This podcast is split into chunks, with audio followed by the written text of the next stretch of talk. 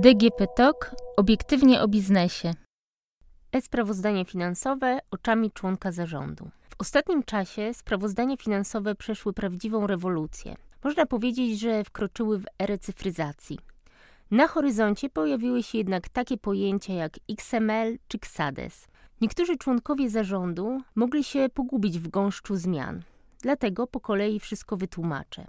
Mówię o członkach zarządu, ale chodzi mi o wszystkich tak zwanych kierowników jednostki, czyli też na przykład w spółce jawnej i cywilnej, wspólników prowadzących sprawy spółki. Natomiast w przypadku osoby fizycznej prowadzącej działalność gospodarczą, kierownikiem jednostki jest właśnie ta osoba.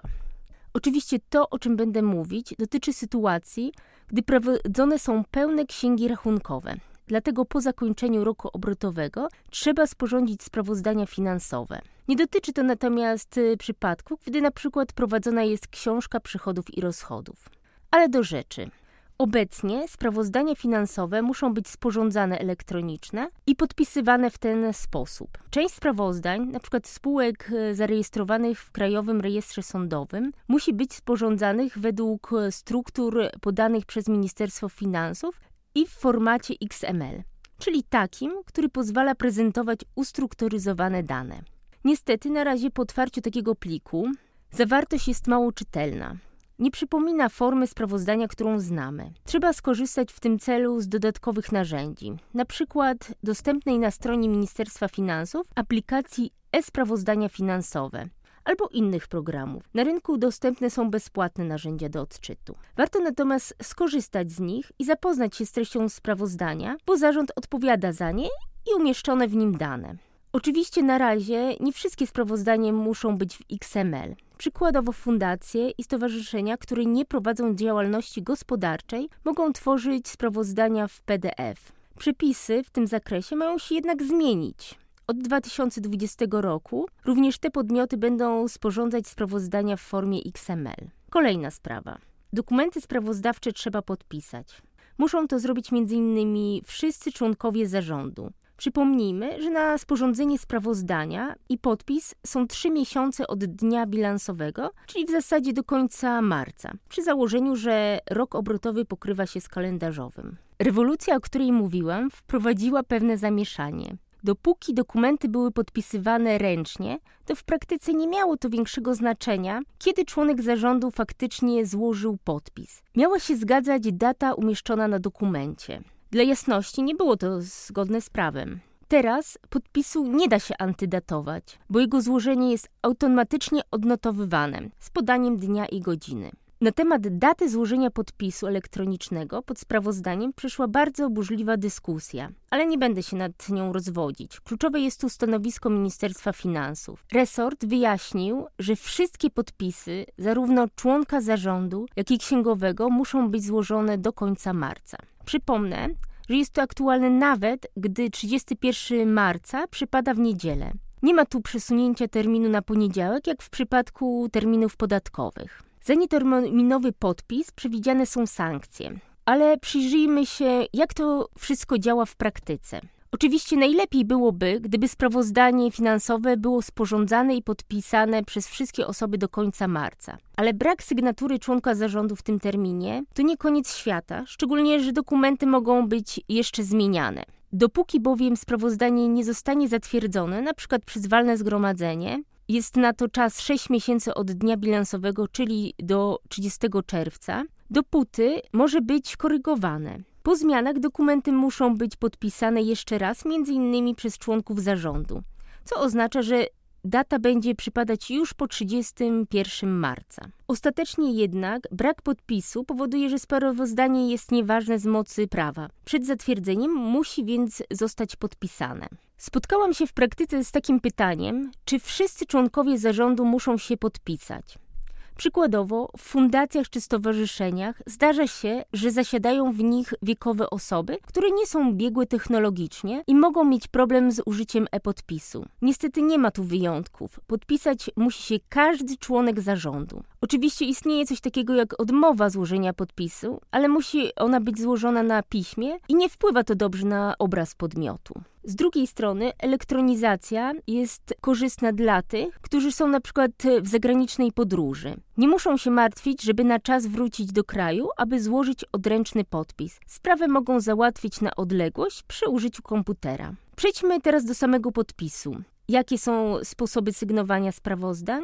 Dziś dwa.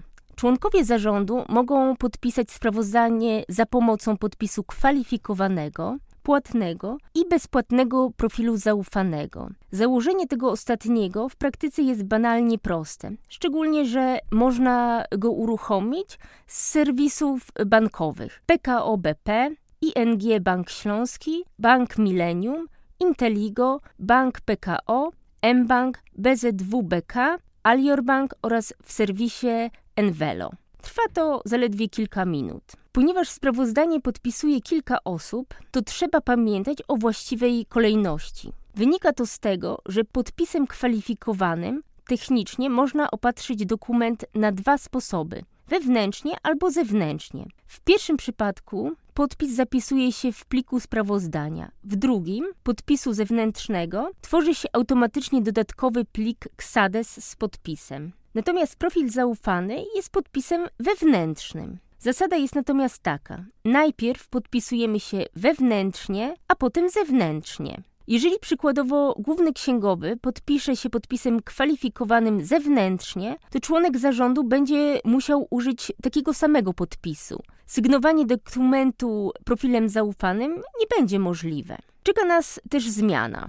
Od 1 stycznia 2020 roku sprawozdania finansowe będzie można podpisywać też dowodem osobistym, czyli podpisem osobistym.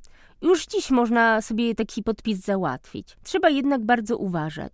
Dziś bowiem nie współgra on z innymi podpisami. Miejmy więc nadzieję, że Ministerstwo Spraw Wewnętrznych i Administracji we współpracy z Ministerstwem Cyfryzacji na czas usunie ten problem. Załóżmy teraz, że sprawozdanie jest sporządzone i zatwierdzone. Trzeba je złożyć, oczywiście elektronicznie. I tak. Spółki wpisane do rejestru przedsiębiorców składają sprawozdania do EKRS w ciągu 15 dni od zatwierdzenia sprawozdania. Nie mają już obowiązku przekazywania ich fiskusowi, wyręcza ich w tym sąd.